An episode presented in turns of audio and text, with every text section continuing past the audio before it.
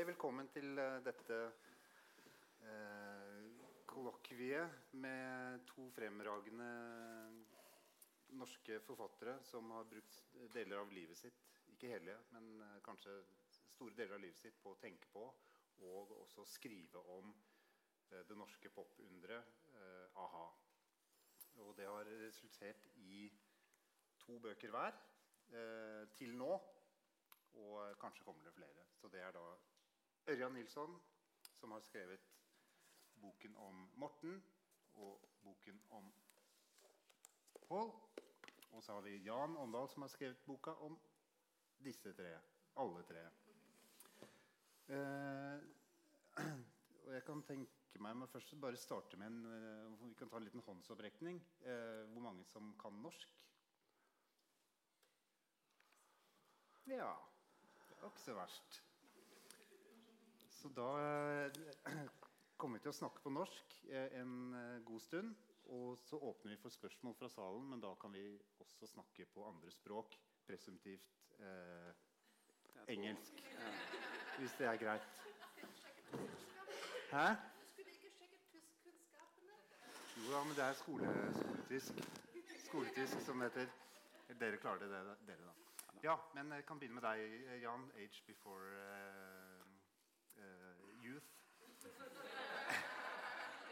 Uh, Spørsmålet som står i, i, i, teksten her, er hvorfor skrive om a-ha? Og det kan være såpass kjedelig at jeg bare gjentar det spørsmålet. da. Hvorfor skrive om a-ha? Det er så mye man kan skrive om. Ja. Um, vi er jo nordmenn, vi som har skrevet disse bøkene. Og vi nordmenn elsker jo å uh, markere og, et nummer av den oppmerksomheten vi klarer å karre til oss internasjonalt. Og det er nok et element av eh, sjåvinisme i at vi har skrevet om a-ha. For det er, det er, vi nordmenn som skriver bøker om a-ha. Men a-ha er jo et band som både musikalsk, i, i, i kraft av eh, en helt ekstrem popsuksess gjennom eh, vel 35 år, og eh, alt som på en måte er målbare størrelser i, i den internasjonale eh, da, fortjener, fortjener, bøker. Men i tillegg så er det jo i hvert fall for meg sånn at det som gjorde det interessant å, å prøve å skrive en slags biografi eller et psykologisk portrett, som jeg, tenker på det som kanskje mer. For det er vel først når vi legger sammen min bok og sånne ting som det Ørjan gjør, at vi får en sånn ordentlig biografi. Så er det jo at det er det er noen veldig sterke spenninger i det bandet. Og noen, noen uh, brytninger og noen kreative um, forhold mellom disse tre guttene som uh, er i kontinuerlig bevegelse, og som både har vært motoren i bandet og samtidig har vært foten på bremsepedalen hele veien. Mm. Så det er liksom den uh, psykologien rundt det som på en måte var det som gjorde at jeg følte at dette kan det faktisk være veldig interessant å skrive om. Da du kom med denne første boka Er du sikker på at det er mikrofon her? Ok, greit.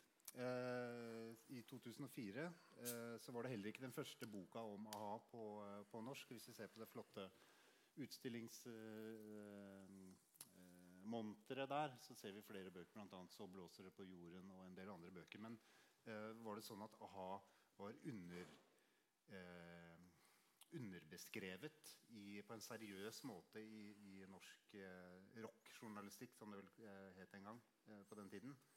Eh, var det, dette er et ledende spørsmål. Var det først etter 2000-tallet at de ble tatt ordentlig seriøst som et sånn historisk musikkband eh, i norsk sammenheng? Ja, det vil jeg si. Og, og, og for så vidt ikke bare den seriøse rockpressen. De ble jo faktisk også holdt å si, underdekket i den mer tabloide og kommersielle pressen. Jeg husker jo når jeg var og reiste med dem i, i Brasil på deres andre Brasil-turné, som var Det var 89. Ja. Så, så, var det helt ekstreme Beatles-tilstander. Jeg har aldri opplevd maken i hele mitt liv. Det var madness. Det var veldig sterke scener. Og jeg som journalist i Arbeiderbladet var den eneste norske journalisten som var der. Mm. Så selv, selv, da, etter eh, fire år etter uh, det store gjennombruddet og alt dette hadde gått globalt, så, så gadd ikke VG og Dagbladet og disse andre å, være til stede engang når a-ha spilte i Brasil. Så det ville jo ikke skjedd senere. Så ja, de var underdekket både i den mer analytiske, kritiske musikkjournalistikken og i mediene for øvrig, faktisk. I hvert fall da så tidlig. Hmm. Men noen bokstaver har det vel blitt om dette bandet i løpet av dets karriere. Eh, Ørjan, hva er din inngang til å skrive om a-ha? Du jobber til daglig som journalist i, som, eh, journalist i en avis, Bergensavisen i, mm. i, i Bergen. Um, det er litt det som du var inne på. Jeg syns jo òg at a-ha i forhold til ganske mange andre både fenomener og band hadde vært eh, eh, Ikke blitt behandlet som eh, som sakprosa eh, på en skikkelig måte. Det, det ble det, var i veldig mange år eh, et popfenomen. De bøkene som du pekte på her i sted, beskriver måte den første måte, beruselsen og, og, alt det som skjedde da. Mens Jan sin bok var på en måte første gang noen dykket inn i mekanismen i a-ha. Uh, jeg leste den med, med stor iver uh, når jeg var student i Oslo i 2004. og etter jeg begynte som journalist, så var det alltid en slags eh, håp om å en gang kunne dykke enda dypere i de tre forskjellige som på en måte eh, Jan sin bok eh, beskriver som, som, en helhet. Mm. Eh, det gjorde jeg først med, med Pål, og nå i fjor med Morten. Jeg var faktisk eh, borte og møtte Morten for et par timer siden. og Da spurte jeg han eh, hvorfor han mener at vi skriver om eh, a-ha. Og han, han, peker litt på det som Jan gjorde, i på, på liksom den, den, litt utenforskapet og det litt rare med å eh, bo i et land som eh, var et sånt eh, popkulturelt nullpunkt på overgangen 70-80. Å gjøre noe sånn som de gjorde, som var på en måte helt det lå ikke i, i nordmanns uh, natur å prøve på det de prøvde på. Mm. Og det mener han er grunn og fascinasjon til vi fortsatt skriver og snakker om dem. Fordi at de gjorde noe som var så pussig for et norsk band den gangen. Ja, nå kan man benytte anledningen til å gripe fatt i, i selve det mest utrolige ved, ved a-ha. og det er jo starten og den enorme pangstarten de fikk på listene. Men som du sier, så eh, var dette sånn eh, forutbestemt uh, inni dem selv. det kommer det frem at de visste at dette kom til å skje. nærmest som en sånn, ikke religiøst, men som et sånt klarsyn på forhånd. Da. Og i norsk sammenheng så er det noe som kalles janteloven. som forteller om et karaktertrekk ved nordmenn at man ikke skal tro at man er noe bedre enn den neste. Og, og, eller skal rett og slett ikke være tro at det går an å bli best. Mm. Og at det har, en, det har, preget deler av norsk eh, kultur. Men når man ser på disse tre eh, menneskene, både hvordan de fremstår i dag og hvordan de fremsto da, så var det ikke så veldig sånn cocky folk eh, heller som følte at de var verdens beste. Men de, likevel så hadde de klokkertro på at de skulle klare å få det til. Og mm. hvorfor hadde de det, Jan? Ja, Det har jeg faktisk ikke noe godt svar på. Eh, de var jo, som du sier, ikke, ikke veldig cocky. Eh, de dro bare over til London og bodde i en drittleilighet og spilte inn noen dårlige demoer og så noen litt bedre demoer. Og, og eh, brukte jo mange runder på å få til det de da til slutt fikk til. Så eh, det må jo være et eller annet sånn, sånn Det er jo det som, noe av det som gjør den historien litt magisk. Et, sånn, eh, et tilfeldig sammenfall Eller tilfeldig og tilfeldig, da, men et litt sånn magisk sammenfall av tre eh, veldig drevne Altså drevne i betydningen drevet. Veldig sterk drift og veldig sterk sånn eh, kreativ fantasi på hvor bra dette kan bli. Og så tror jeg nok kanskje det var mest Morten som hadde denne Nei, det var det forresten ikke. De hadde det alle sammen. De skulle bli popstjerner. De skulle Paul sa jo det at flere ganger til meg at liksom, målet var jo bare å være så über-catchy som overhodet mulig. Så det var liksom ikke noe kredibilitet og sånn det handlet om til å begynne med. Det var bare å være veldig, veldig, veldig catchy. Og Hvorfor de, hvorfor de, visste at det kunne de, det, det veit jeg ikke. De ikke. Det var det som var så rart, som du sa. Norge, Norge, var jo ikke et land som hadde lært dem dette her Tvert imot. Norge var jo fortsatt en, uh, en nasjon i en slags sånn etterkrigstilstand. Det var ingen som hadde reist ut fra Norge og blitt fotballstjerner. Eller, vi hadde ikke eksportert noen ting, egentlig, på den tiden. Så nei, det er fortsatt et lite mysterium. Men er det Morten, kanskje? Fordi da de hadde Bridges, som var et mer uh, av sin tid postpunk, uh, psykedelisk rock, depperock, uh, mm. popband, så var jo ikke de, den driften like til stede. Men det var da Morten så de live og sa 'Dere trenger meg'. Mm. Og det, det, er kanskje den kraften der da, som, som ja, og så tror jeg at når de, når de, hørte seg selv med Morten, ja. så skjønte, tenkte jeg at fuck, nå Dette er jo en helt annen liga. Nå, nå har vi noe her. Mm. Men samtidig det som jeg synes er fint, at de, det kan du se i ganske mange av tekstene eh, og bruddstykker av ting.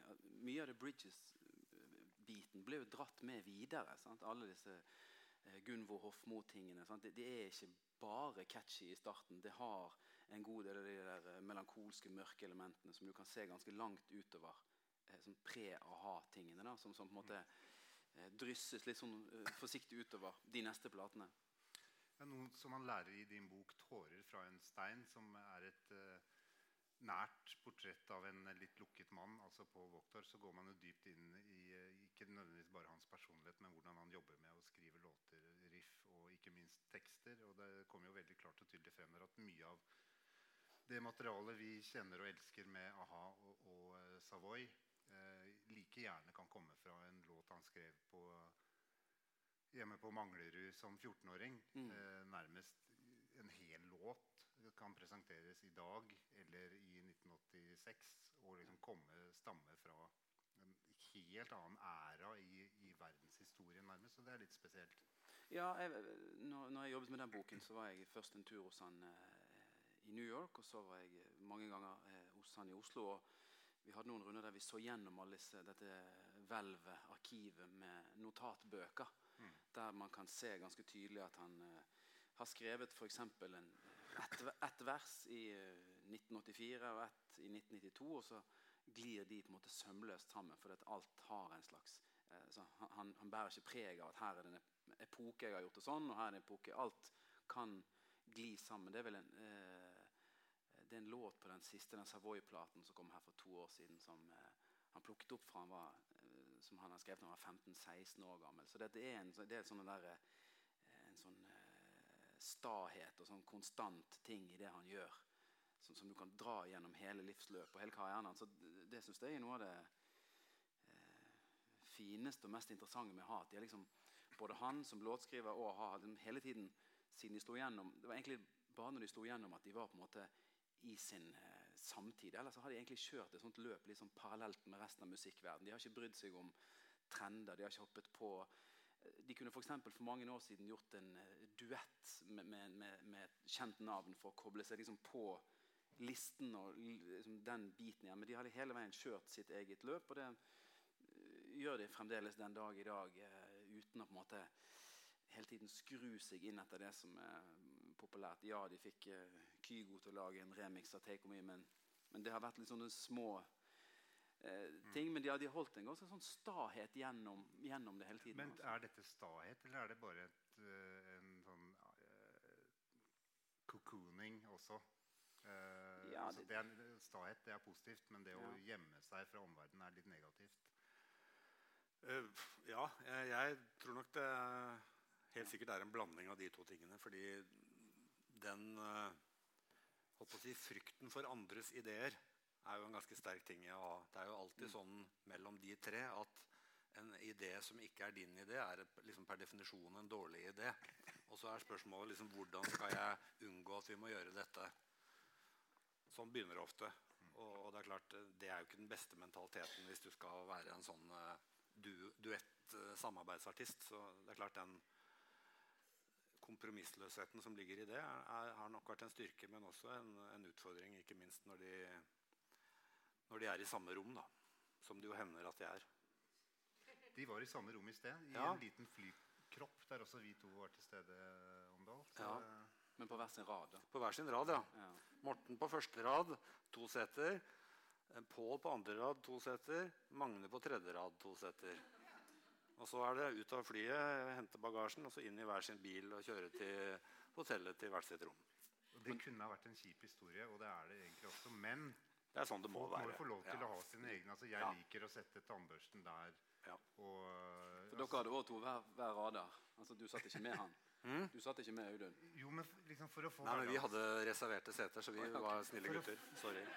For å få hverdagslivet til å gå opp, enten man er en stor kunstner eller bare en vanlig arbeidstaker, så er man jo, eller en ektefelle, så er man jo nødt til å ha sine rutiner og sin egen headspace. Så man kanskje kan se på det som en forrykt oppførsel, men også tror det er også grunnen til at de klarer å, og, og, la det gå. Det er ikke sånn at de skal ha plass til sitt store ego på den plassen ved siden av. De skal også ha plass til sine bekymringer og sine tanker om hvordan klare å opprettholde høy nok kvalitet eh, for seg selv og for sine tusenvis, hundretusenvis av fans over hele verden. Så det, det, er ikke, det, det må sies. Men Det eh, det må også sies at når denne boka kom i 2004, så var det kanskje pga. at du eh, er, tilhører avisstanden, så ser du etter en god snacksy historie. Så det konfliktstoffet Mm.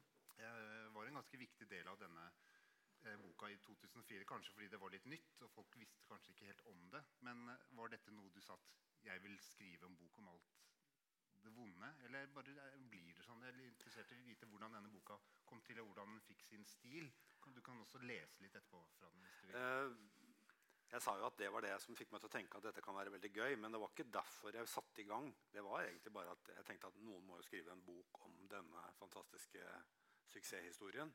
Og om disse tre eh, begavelsene som eh, befolker dette bandet. Og så er det jo da sånn at hvis man begynner å snakke med dem, så oppdager man jo ganske fort at det er noen eh, jeg kaster jo om meg med metaforer i denne teksten. her. I det ene øyeblikket så er det en ustabil reaktor, og i det neste øyeblikket er det tre tektoniske plater som skraper mot hverandre. Og så er det siterer jeg Anneli Drecker som sier at det er en- haug med garnnøster som ligger filtra sammen nedi en kurv. Altså, så man oppdager jo veldig fort at konfliktstoffet, friksjonene mellom dem, de kreative spenningene, er helt i sentrum. Er det sånn det er, mener du?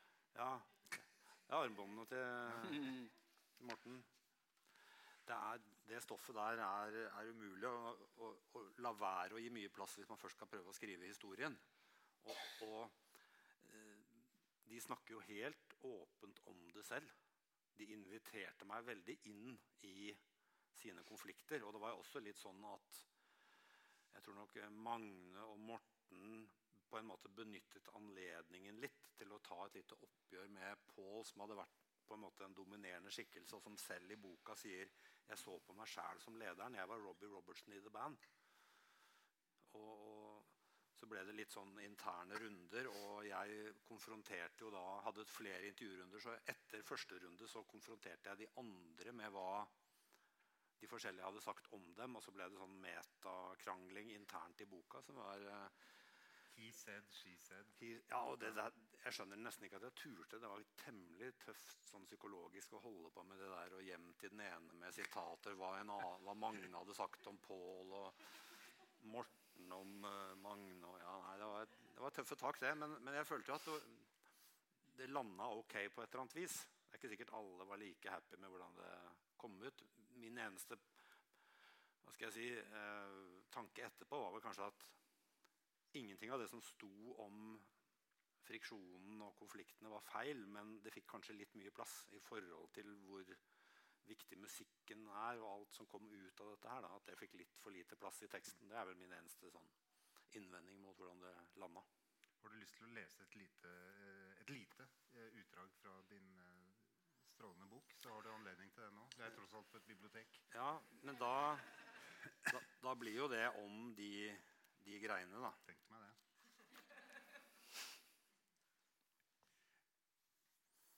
Og det er meg som snakker her, egentlig. Det er ikke gutta, det er mer mine betraktninger jeg tenkte hvis jeg først skulle lese noe. Å tilbringe tid med a-ha er litt som å være på besøk hos tre jevnaldrende brødre som burde ha flyttet hjemmefra for lenge siden. De har vidt ulike interesser, de vanker i ulike miljøer, de snakker nesten ikke sammen. Og når de gjør det, er de stinne av såre følelser og uforløste konflikter med røtter i barndom og tidlig ungdom. Jeg griper meg stadig og spør meg selv hvorfor de ikke bare går hver sin vei og kommer seg videre i, i livene sine. Men de klarer det simpelthen ikke. De er grodd sammen i kropp og sjel og lommebok. Under grøten av konfliktstoff ligger det tykke reimer av sammengrodd vev. Og hver gang en av de tre er i ferd med å slite seg løs, kommer manageren inn fra venstre med en ny millionkontrakt. Fiks ferdig til undertegning. Ok, da. Bare én turné til. Bare tre album til.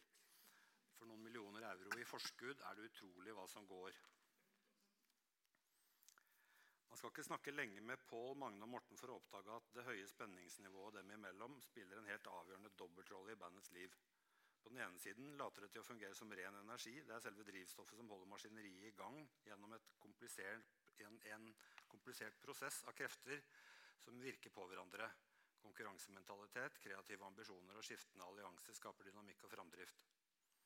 På den andre siden fungerer spenningsnivået vel så ofte som ren gift. Et bedøvende middel som hemmer og i verste fall dreper den sosiale kjemien, musikkleden og den kunstneriske kreativiteten. A-ha lider, blant mye annet, tungt under 'not invented here'-syndromet. Alle ideer motarbeides Dette har jeg jo sagt allerede, men ok, dere får unnskylde meg. Alle ideer motarbeides automatisk av de to i bandet som ikke står bak ideen. Motstanden utøves gjennom det Magne kaller passiv kontroll. Sitat. Den som er seigest, minst villig til å gjennomføre noe, får viljen sin gjennom. Veldig mange gode tilløp renner ut i sanden fordi ansvaret for å gjennomføre til syvende og sist blir liggende ene og alene på den personen som hadde ideen. Ideer fra andre i bandet er per definisjon et onde man må leve med. Det er et ønske om kontroll. Vi er jo kontrollfriks alle tre. Men vi utøver kontroll på veldig forskjellige måter. En som kjenner dem svært godt, sier det slik. Pål er krevende på en veldig asosial måte. Magne er krevende på en veldig sosial måte. Og Morten er veldig sosialt krevende.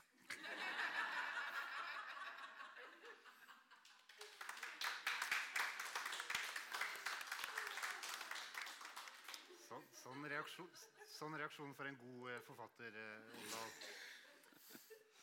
Men eh, eh Ørjan Nilsson, eh, du er ikke mye dårligere, du heller. Du har I stedet for å gå og se på eh, disse tre samlet under ett, så gikk, gikk, du nå det foreløpig inn på to, to, av de. Og var det en slags kongstanke i, i bakgrunnen for dette. Og det, det, antar at det må bli en tredje bok, men det trenger du ikke å si noe om høyt. Og så vil jeg også, eh, som de fleste, lure veldig på hvordan det har vært å samarbeide med disse to eh, sterke personlighetene på, på hvert sitt vis. Ja, det var En som sa til meg at nå har du gjort det lett for deg sjøl, for du har tatt de to vanskeligste først. Og eventuelt den aller vanskeligste først. For eh, jeg har egentlig aldri hatt noen tanke om en sånn triologi, men, men uh, Pål var interessant eh, fordi han hadde snakket så lite. Stort sett bare i Jan sin bok at han hadde utbrodert noe om, eh, om, sitt liv og livet hans knyttet til eh, låtskriving, hvordan han skriver, hans tankesett. Så det var, det var først um, veldig interessant. Og, og, og, når jeg snakket med han, så kom jeg på en måte inn i mye av den samme eh, tingene her som, som Jan snakker om. Um, så, så, det var egentlig det var den første tanken å skrive den om uh, Pål. Og så har jeg egentlig alltid hatt en, en litt sånn forkjærlighet for den, den uh, perioden uh, som jeg skriver om i boken med Morten.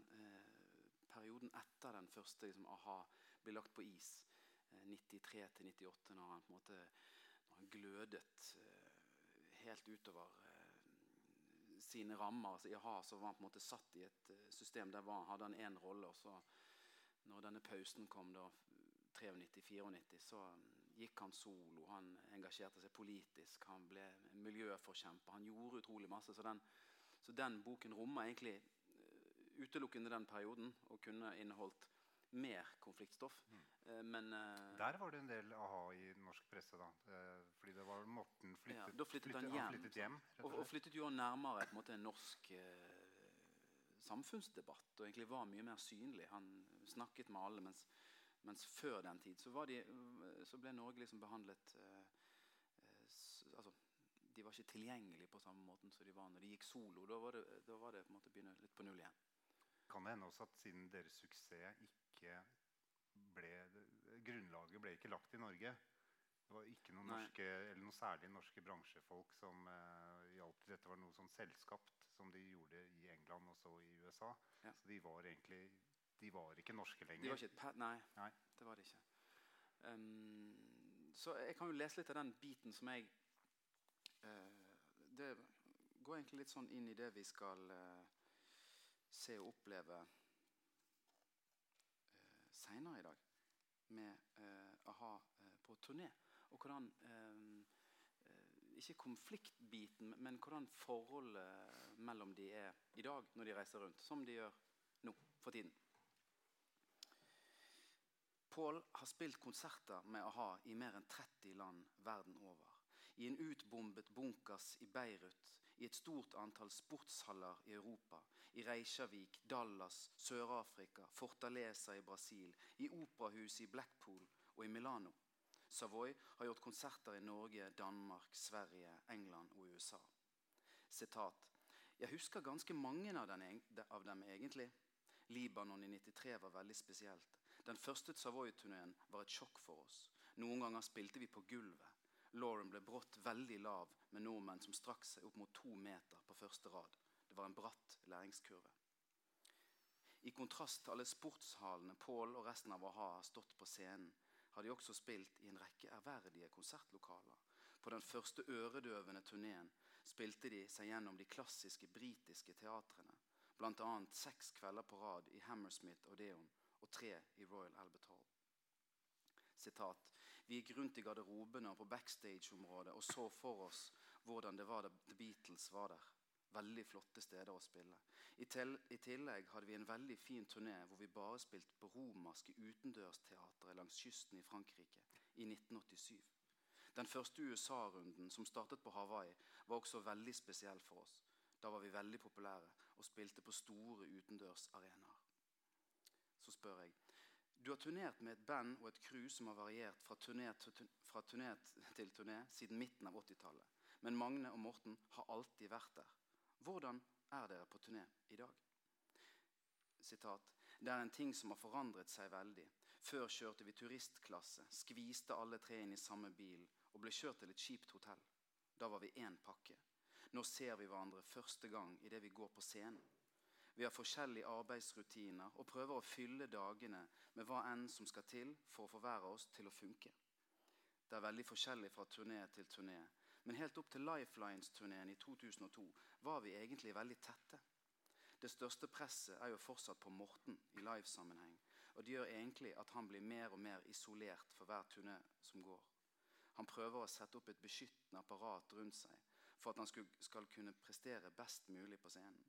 Magne liker å henge med backingbandet, mens jeg er litt mellom de to. Hva er opp- og nedsidene for, med turnélivet for din del i dag, Pål? Sitat. Jeg får hjemlengsel, men jeg blir ikke utslitt på samme måte som før, da vi hadde managere som ga faen i hvordan ruten var lagt opp. På de tidlige turneene spilte vi ofte veldig seint, og så kom han seg ikke i seng før tre og rett på flyet etterpå. Utrolig trøtt klokken ni morgenen etter. Det var tungt. Skal jeg ta i samme sleng?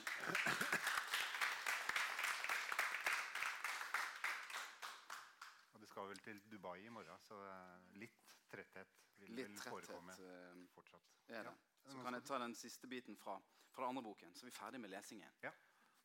Pål var veldig jetlagd i dag, eh, Ja, han, skjønte jeg. ja. Det var han. Uh, ja. Noen stemmer går nesten forbi fatteevnen.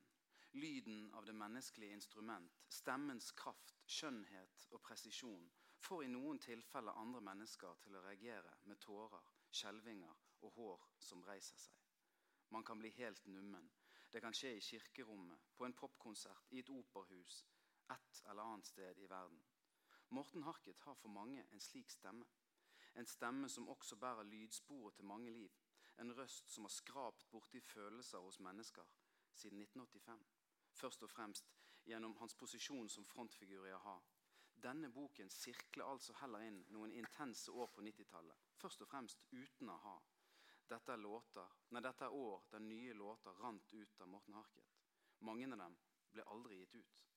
Det er år som handler om gitaren, om å skrive, om å peile musikken i nye retninger. Noen av hovedlinjene fra disse årene ble med videre i karrieren, mens andre ble liggende igjen. Det er de første soloårene, den første løsrivelsen, år med høye topper og smått absurde karrieretrekk.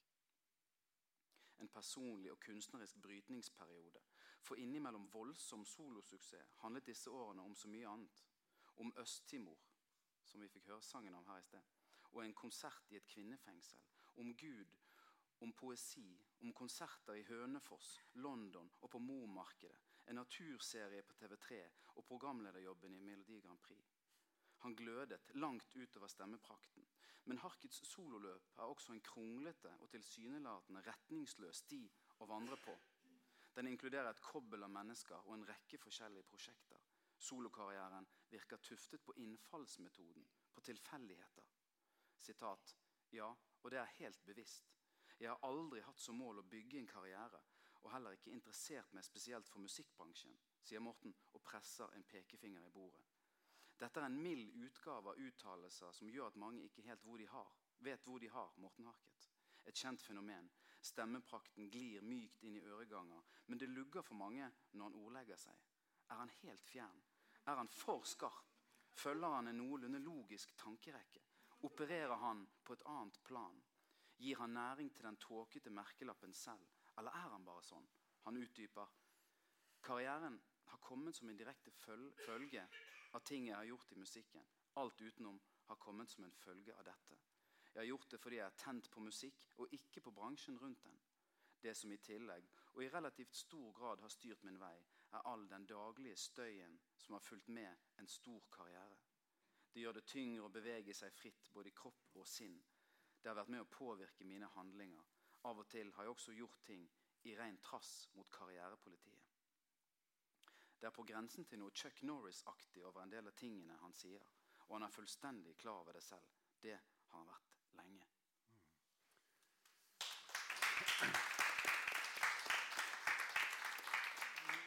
Men da kan vi jo ta tyren ved hornene med en gang. da. Eh, hvordan i helvete er det å, å eh, skulle få ned på papir og koherent på koherent vis eh, det Morten Harket sier. Nå har jeg intervjuet ham flere ganger eh, i tidenes løp selv og behersker denne kunstformen. Mm. Men jeg klarer ikke å beskrive eh, hvordan. Men det kan kanskje dere. Jeg vil jo si det at Morten har et litt ufortjent ry som veldig tåkete. Jeg syns at mm. Morten kan være når han snakker om a-ha og om mekanismene i bandet, veldig skarpt analytisk og, og har et fugleperspektiv på spillet mellom de tre, som egentlig er mye bedre enn noe av det de to andre klarer å komme opp med. Fordi han er mm. ikke så emosjonelt investert i relasjonene. Det er liksom barndomsvennene Pål og Magne som har mest sånn følelser. Mens Morten klarer liksom å heve seg litt over det og, og se hvorfor det er sånn, og hvordan funker det egentlig, og hva er det de forskjellige her bidrar med av, positivt og negativt. Så sånn sett syns jeg han har vært et, egentlig et veldig bra intervjuobjekt. Det er først når man plasserer ham i en stol på et talkshow, eller man tar ham ut av liksom uh, hans naturlige habitat, at han, at han responderer med en form for sånn der trassig greie hvor han bare friker helt ut og, og, så er han jo selvfølgelig også en, en, en, fyr som har veldig mye sånne tankestrømmer om natur og mystikk og mm. hvordan ting henger sammen i universet. Og hvis man først får ham i gang på de greiene der, så kan det, så kan det jo bli krevende å, å destillere, destillere, det ned til noe man kan bruke. Men jeg har ikke snakket så mye med ham om de tingene. Jeg har snakket med ham om, om å være i a-ha primært, og der syns jeg han har vært eh, ja, en veldig god kilde, egentlig jeg har ofte inntrykk av at når Morten Harket blir satt ut i, i, i, media, så kommer det en mental du vet sånn som På eh, Grammy-utdelingen Oscar-utdelingen når producer merker at denne talen er i ferd med å bli takketalen er i ferd med å bli litt lang, så kommer det plutselig en sånn eh, strykemusikk på fra et eller annet hemmelig sted. Ja. Og sånn er det også med, med Mortens utlegninger. For eh, hans tanker er tilpasset et format som egentlig ikke eksisterer i den vanlige måten eh, popartister eh, får anledning til å Nei. utfolde seg i. Mm. Så derfor er boken eller et portrettintervju eh, live, eh, hvor man da ikke må tekkes TV-seere, et, mer passende måte. Men eh, du som har skrevet en hel bok om en spesifikk periode i, i livet hans, har kommet ganske tett på, da, eh, også følelsesmessig, vil jeg tro. Eh, hvordan artet det seg?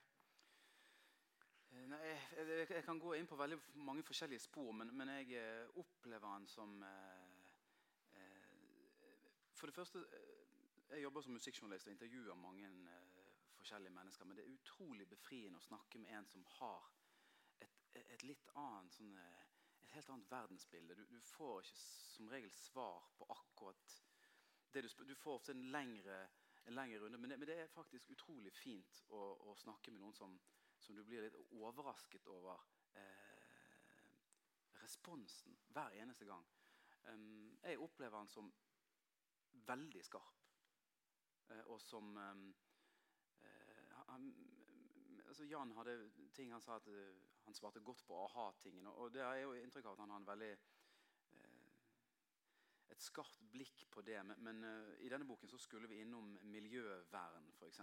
Miljøkamp. Og, og da, det, det er vanskeligere på en måte å holde i et format. Uh, han sa til meg på en av de første intervjurundene så sa han, Ørjan, hvis jeg drar for langt ut, så må du dra meg tilbake igjen. Er veldig, når han er midt i en sånn tolv minutters utlegning, eh, så er det veldig vanskelig å si stopp. Vi må tilbake igjen til det det egentlig handler om. Men, men, men eh, selv om det tok av og til litt lengre tid, så er det alltid et skarpt svar in the end. Eh, og, eh, men, jeg, men jeg opplever han som som ekstremt nysgjerrig. Han, han, er- og, og faktisk var lite, egentlig lite interessert i å snakke om musikk. egentlig, for Han er ikke så interessert i musikk. Um, han, han er opptatt av veldig mange andre ting. Vi hadde, vi hadde jo en sånn lansering eh, først i Oslo, så var vi i Bergen. Og så eh, var han med eh, etterpå så var han med hjem til familien min og spiste eplekake. Mm. Og Jeg har en sønn på ti og en på fem, og de spurte han altså så mye spørsmål. Og han svarte utrolig godt og veldig eh, Ikke liksom føysete vekk som sånn tullete barnespørsmål. Han svarte eh, ekstremt eh, gjennomtenkt, og de satt med store øyne på en måte Morten Harket er hjemme hos deg, og han svarer på alle spørsmål. De, de behandlet han litt som et orakel, for de har jo også sett ham på TV. Ja. Eh, så det, det var eh, og, ja, skarpe svar. Um, og hele tiden en eh, omtale En utrolig snill fyr. Mm. Uh, kan, ja. Det som slår meg litt, er at eh, Paul eh, er jo veldig opptatt av musikk og det faglige ved å skrive eh, riff, melodier og skrive tekster. Og han ser på a-ha som sitt livsverk, eh, kunstneriske livsverk, mens Morten i litt større grad ser på det som en slags eh, naturkatastrofe eller en tilstand. Mm. En enorm kraft som egentlig bare han klarer å eh, kontrollere eller holde flytende på en eller annen måte. Han, han er som en slags sånn supermann som flyr og holder, Meteoren. holder, met ja, han holder meteoren, rett og slett. Eh, og han tar dette veldig seriøst. Da. Han, er ikke sånn, han har ikke lyst til og Han trenger mer penger, så han, vi tar en turné til med a-ha. Han må holde meteoren eh, sånn at den ikke skader noen og Mm. faller ned. Det Har jeg litt inntrykk av. Jeg, jeg opplever jo at han, eh, som han har sagt til meg, i hvert fall, at han, han må gå inn i noe eh, altså Det må tenne han. Det må være et eller annet der for at han skal gå disse rundene. Mens, mens Pål er nok og det han sagt til meg, han er nok en fyr som er langt mer opptatt av eh, kredibilitet og vil snakke om andre musikernavn og, og, og vil, eh, vil heller koble seg på eh, eh, typ sånn Tame Impala, mens Morten han kan synge duett med Carola. Så han gir mer faen i, i, i, eh, i den biten der og, og går Og på har du ikke hørt Tame Impala. Nei, jeg har, jeg har aldri hørt om det. sant? Eh, hører ikke på musikk, interesserer seg egentlig ikke for det. Eh, men, så, så det, på den biten er de ekstremt forskjellige, og Magne han sitter vel et sted, et sted midt imellom. Men jeg, kan, eh, ble fanget av eh, musikeren backstage her, og jeg leser også selv i sted. En nydelig eh, sitat fra Jan Omdal her i, i, i boka 'The Swing of Things', altså den store utgaven av denne lille. Og det er Nå kommer vi inn på beskrivelsen av musikken til a-ha. Nå kan vi kanskje ta en av de minst typiske a-ha-låtene. når det kommer til stykket, men ok. Når en popsang får deg til å lure på om den er skrevet av en idiot eller et geni, er den antageligvis en hit. 'Take On Me' er en slik sang. Eh, jeg fikk ikke noe applaus på den, men jeg synes det, var, det er en veldig bra sitat om eh, den, andre, den virkelige naturkatastrofen i, i a-ha, og det er 'Take On Me', som vi skal høre i kveld. Og eh, med pophiter fra det tiåret så, så, får det en sånn aura av eh, noe latterlig ved seg, og at det tilhører en tid Altså Det er et eh, bilde på en merkelig tid som ikke lenger eksisterer. Føler du det er mulig å høre på den, du som en uh, meget kapabel musikklytter? Klarer du å lytte til denne låten eh, som en ren popsang i dag, uten å se på det som en artefakt fra historien? Og liker du låta? Ja, jeg liker låta. Jeg har du, Vi har jo snakket litt om sånne favorittlåter. Jeg har, jeg har den inne på topp ti som en låt jeg syns er egentlig et helt fantastisk stykke pophåndverk. Og den mangler jo kanskje litt av den uh, kjerneverdien i mye av det beste med a-ha, som er denne uh, melankolien som ligger og, og, simrer før ting forløses i det store refrenget, og Morten flyr av gårde. Den er på en måte ikke der, men, men jeg syns allikevel den er veldig bra. og når den nå er i ferd med å passere en milliard avspillinger på YouTube, som er mye Ikke mm. så mye som noen andre, men uh, det er uh, Konkurrerer vel med et annet band Nå husker jeg plutselig farten ikke hvem det er. Om å være første sånn 80-tallsact mm. som passerer en milliard avspillinger. Og det, det, er jo ikke, det er jo ikke fordi den er en vits. Det er jo fordi videoen er ikonisk, og låta bare får foten din til å gå. Det er en, mm. det er en hit. Du hører den også i, uh, overalt i pokerturen, senest i The Weekends uh, siste singel, mm. uh, f.eks. Og den ja. er ikonisk på flere, på flere, i flere platåer og for flere generasjoner. Mm. Den er jo i flere filmer hvert år, så ja. dukker denne låta opp. så man blir aldri kvitt den. Og det med den videoen, det er egentlig ikke nødvendig å si at den var en bra video, for det er noe alle vet, men jeg husker veldig godt da jeg så den første gang. Det er sånn en av de ja, sånn minner fra Eh, i mitt tilfelle eh, oppvekst som, eh, som har brent seg fast de luxe.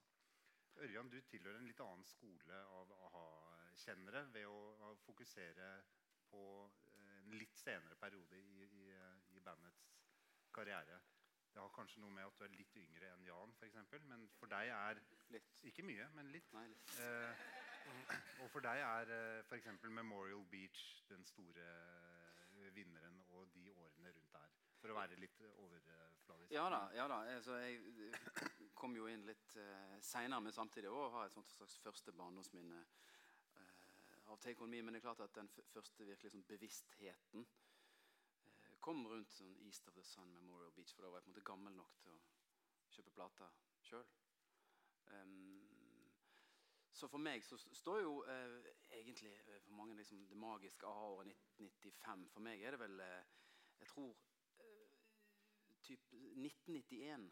Når, man på en måte er, når du ser at de er drittlei um, posterboy-tilværelsen. De har slitt ut uh, syntene sine og går inn i det. En, for meg er det et sånn essensielt øyeblikk. Det er, I 1991 så spilte de inn en sånn uh, De gjorde en sånn liveopptak hos NRK som heter 'Østen for sol, vesten for måne'. Der du ser, jeg tror Magne han ser dritsur ut hele tiden. Uh, og, og, men, men, der har de en sånn Det er et eller annet med noen no, no mennesker som en bokser som henger i siste liksom, de, de, de, ser så kjørt ut, drittlei. Dette er jo eh, spilt inn bare måneder etter den uh, enorme Rio-konserten. De har en sånn eh, passion og en sånn stayer-evne. De, de har Take On Me er ute av settlisten. Eh, Sun Always Shines on TV er ute. De spiller eh, Rolling Thunder, de spiller eh, Nonstop July. Så du ser de, liksom, de, de på en måte prøver å presse ut det siste. Li, dette er jo noen få år før min bok på trer i kraft. Og, jeg syns det er noe vakkert med tre litt sånne nedslåtte karer som virkelig eh, for, det, er kanskje da de viser sin virkelige identitet. I starten så var det, så var det på mye fargerike plakater. Og, eh, men, jeg, jeg syns at denne 91 eh, eh, South America-biten og sånt, der syns jeg at det virkelig er noe som tiltalte meg veldig. Og som fortsatt gjør det. De, de tingene, altså, når du spurte om kan du høre på Take On Me, den kan jeg høre på, men uh, jeg foretrekker nok uh, de årene der når de måtte henge litt i tauene. Det er en interessant periode i musikken, uh, slutten av 80-tallet og begynnelsen av 90-tallet, hvor det er en enorm endring i, i, i, i hva folk rett og slett er ute etter. Den Mm. eskapismen over fra hår, hårmetall og, og pastellpop, hvor det handlet om gutt møter kvinne, og, og, og den glade eskapismen blir eh, forkastet til fordel for en litt grellere realisme. Ja. Eh, og, det er veldig mange artister som sliter veldig i den overgangsfasen der. Da, eh, hvor man ser en sånn eh, Folk omfavner, inkludert a-ha. Det blir litt mer støvete ørken og jeans og Mm, eh, litt mer man, type mandig sånn Levis-bukser. Ja, TV-commercial Mm. som var, og The Blues og, eh, og, og spille cover av Everly Brothers, liksom. Og, Ja. eh, det var en interessant eh, tid, da, og kanskje var der a-ha virkelig også våkna litt. Da, fordi da de eh, møtte en svakhet eh, som det ble en slags sånn sprekk i, i båten. Mm. Ja, og ikke minst eh, som liveband er det eh, uomtvistelig at mange mener at det er den sterke. For det, disse første årene sant, så eh, var jo ikke noe stort eh, liveband, men så her fant de på en måte en litt sånn jam-aktig form. Og eh, det var veldig levende i uttrykket sitt, da. eh, som, ja, som er veldig fint å se på i dag òg. Er det nå jeg skal si at jeg Hater den perioden. Gå for uh, 80-tallet?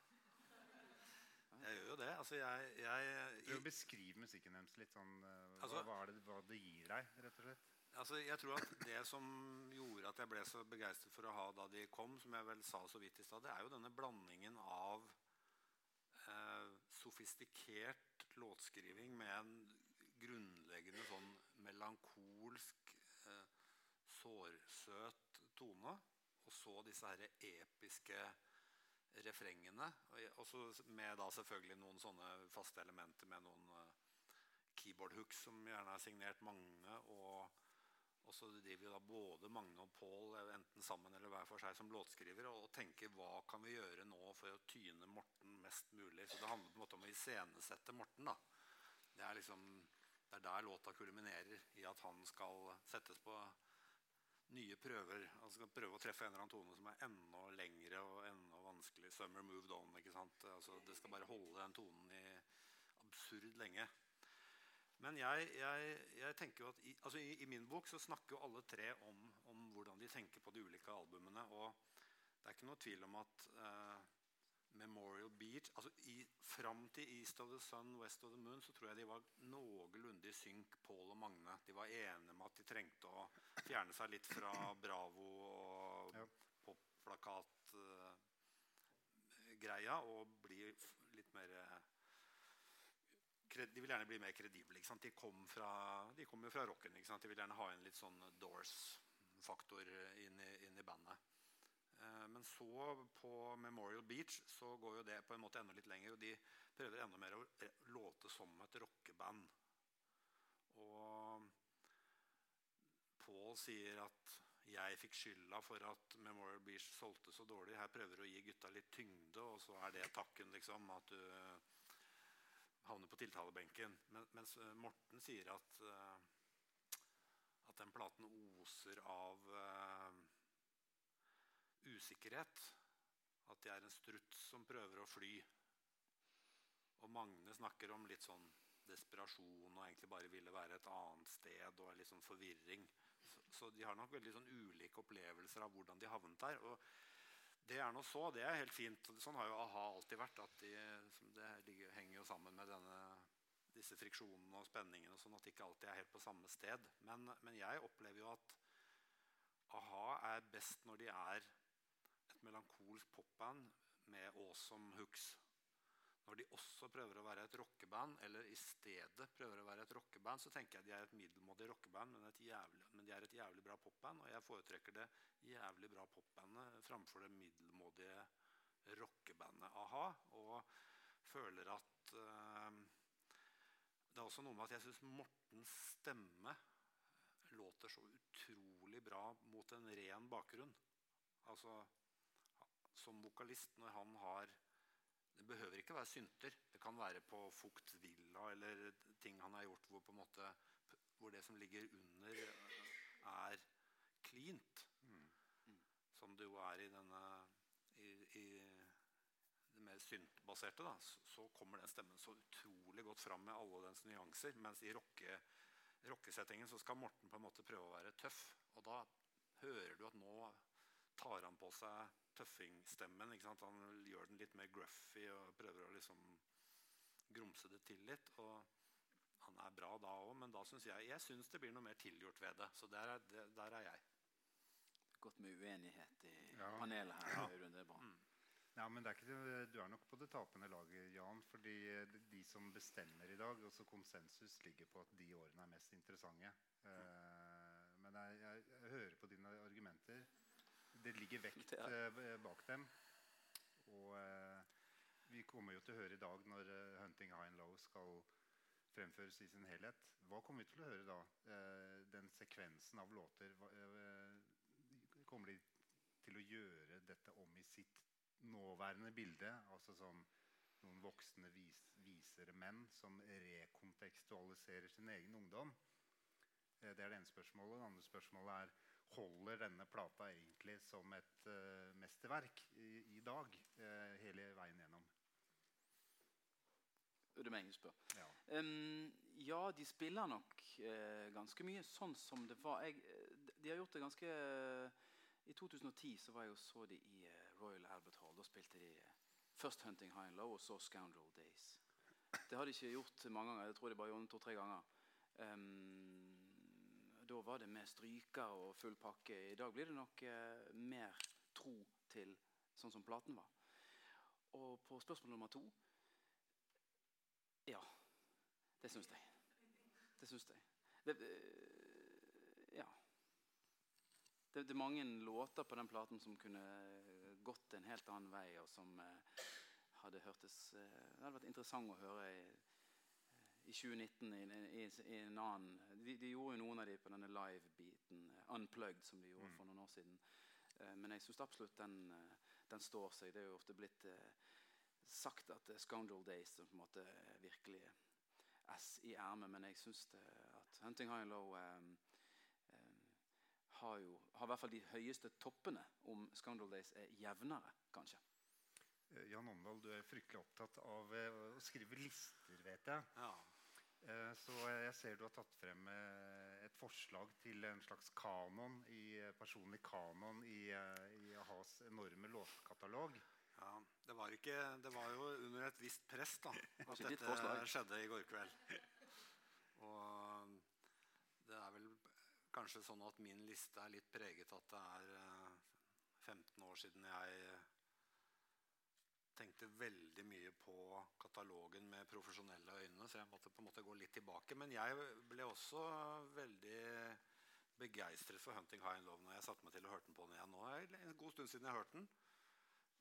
Da jeg, da jeg var ung rockjournalist på 80-tallet, så var det også sånn at jeg tenkte at 'Scoundrel Days' var liksom litt tøffere. Så det var mm. akkurat passe mye mer over mot rock til at jeg syntes det var uh, innertier. Men når jeg hørte de to mot hverandre nå, så følte jeg virkelig at uh, 'Hunting High and Love' har holdt seg fabelaktig godt. Ja. Jeg satt jo tilfeldigvis da på, i ventehallen på flyplassen i dag sammen med Paul. Og da sa jeg til ham at den låter jo så enormt bra. Altså, Den låter så bra. 'Hunting High and Love' hva, hva som er forskjellen? Fordi eh, 'Scoundrel Days' låter litt mer sånn komprimert. Så sånn, ja, Det er fordi 'Hunting High and Love' var den ble spilt inn på 24 spors spolebånd. Det var en helanalog. Innspilling, mens 'Scandal Days' var digital. Og det, mm. det, kan man faktisk høre. Selv om 'Scandal Days' er liksom mer gitarer, så er den digital.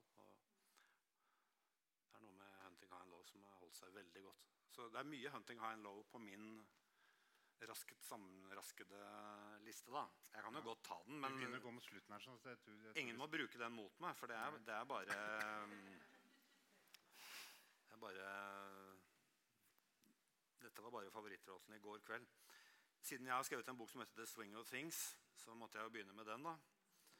Så har jeg 'Living a Boy's Adventure Tale', 'Here I Stand and Face the Rain', 'Scoundrel Days', 'Hunting High and Low'. Jeg har 'Take On Me'. 'We're Looking for the Whales'. Den var det egentlig du som satte meg på sporet. Den hadde jeg glemt litt, men den er kjempefin. Og så hadde jeg Early Morning. Som er, det er en av disse ruslete Doors Dette er på, Det er på en måte Doors-greia hvor Paul og Magne forenes i en sånn eh, Doors-estetikk som fungerer veldig fint. Soft Rains of April and You Tell Me. Ja.